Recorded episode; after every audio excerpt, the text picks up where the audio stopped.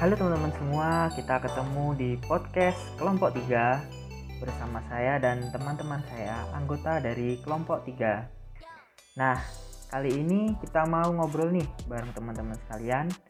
Tapi sebelum itu, mohon izin saya mengenalkan diri terlebih dahulu. Nama saya Rizaldo Raditya Pratama, kelas Meteorologi 5C dengan NPT 11180083. Buat teman-teman yang penasaran mau ngobrolin apa sih kita kali ini, kita akan ngobrolin mengenai Madden-Julian Oscillation atau biasa disebut dengan MGO. Nah, buat pengantar, apa sih MGO itu?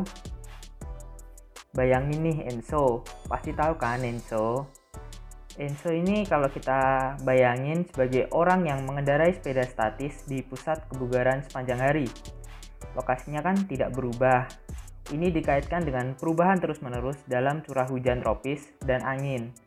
Sekarang kita bayangin pengendara sepeda lain yang lewat di depan pusat kebugaran dan mengayuh secara perlahan melewati jalan yang ada di depan pusat kebugaran yang itu dari arah kiri. Melewati sepeda statis yang tadi kita samakan dengan Enso dan melewati pusat kebugaran itu di sebelah kanan pengendara sepeda ini kita akan sebut dengan MGO. Dan dia mungkin akan melintasi pusat kebugaran selalu dari kiri ke kanan beberapa kali selama selang waktu tersebut. Kesimpulannya, jadi tidak seperti ENSO yang tidak bergerak, MGO adalah gangguan awan, curah hujan, angin, dan tekanan yang bergerak ke arah timur yang melintasi planet ini di daerah tropis dan kembali ke titik awal rata-rata dalam 30 sampai 60 hari nih teman-teman. Gangguan atmosfer ini berbeda dengan ENSO yang pernah terjadi dikaitkan dengan ciri-ciri yang persisten yang berlangsung beberapa musim atau lebih lama di atas cekungan Samudra Pasifik. Mungkin ada beberapa kejadian MGO yang terjadi dalam satu musim, sehingga MGO baik digambarkan sebagai variabilitas iklim tropis intrasesional yang bervariasi dari minggu ke minggu. Nah, gimana teman-teman sekalian?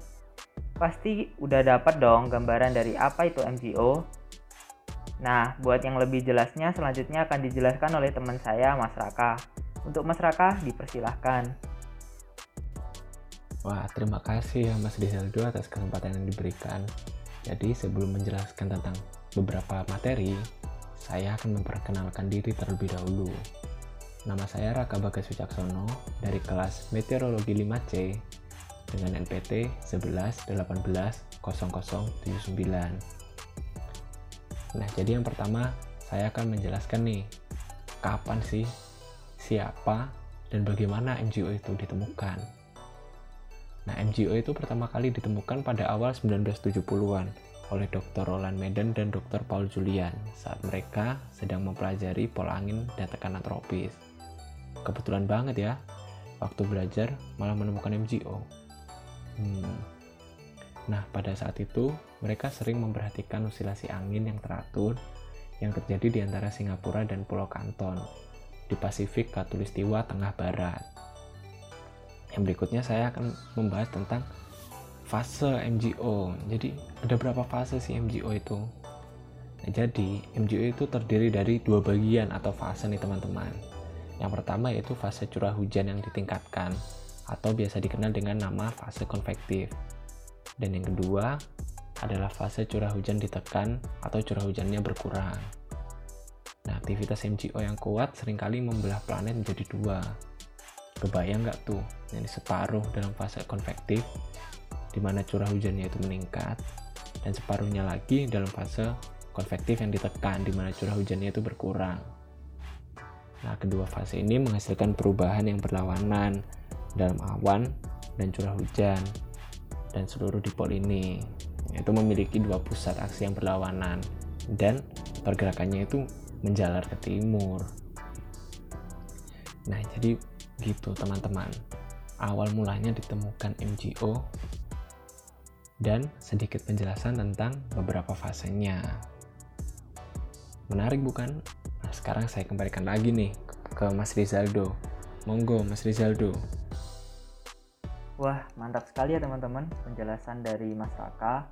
Kalau bisa sedikit saya simpulkan nih, MGO ini selain membawa perubahan curah hujan, ternyata di dalamnya ada sebuah fase-fasenya ya teman-teman, di mana hal itu sangat mempengaruhi dampak dari MGO itu sendiri.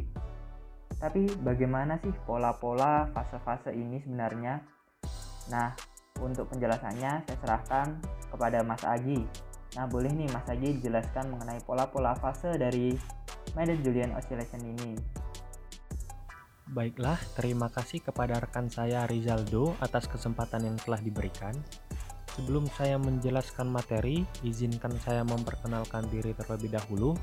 Nama saya Muhammad Dasfitrian Zagita, kelas Meteorologi 5C, NPT 11180068 saya akan menjelaskan mengenai pola MGO. Ada apa sih di balik pola MGO ini? Mari kita gali lebih dalam dan melihat beberapa karakteristik dalam dua fase konvektif yang telah dijelaskan oleh rekan saya Raka Bagas sebelumnya. Yang pertama, dalam fase konvektif yang ditingkatkan. Angin di permukaan bertemu dan udara didorong ke atas ke seluruh atmosfer.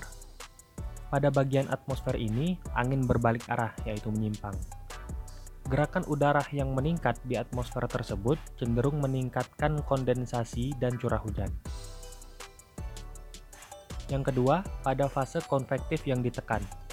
Angin berkumpul di bagian atas atmosfer, memaksa udara tenggelam dan kemudian menyimpang di permukaan. Pada saat udara tenggelam dari ketinggian, udara menjadi hangat dan kering, yang menekan curah hujan. Seluruh struktur dipol ini bergerak dari barat ke timur di daerah tropis. Dalam fase konvektif yang ditingkatkan, menyebabkan lebih banyak awan, curah hujan, dan bahkan badai. Sedangkan di fase konvektif yang ditekan akan menyebabkan lebih banyak sinar matahari dan kekeringan.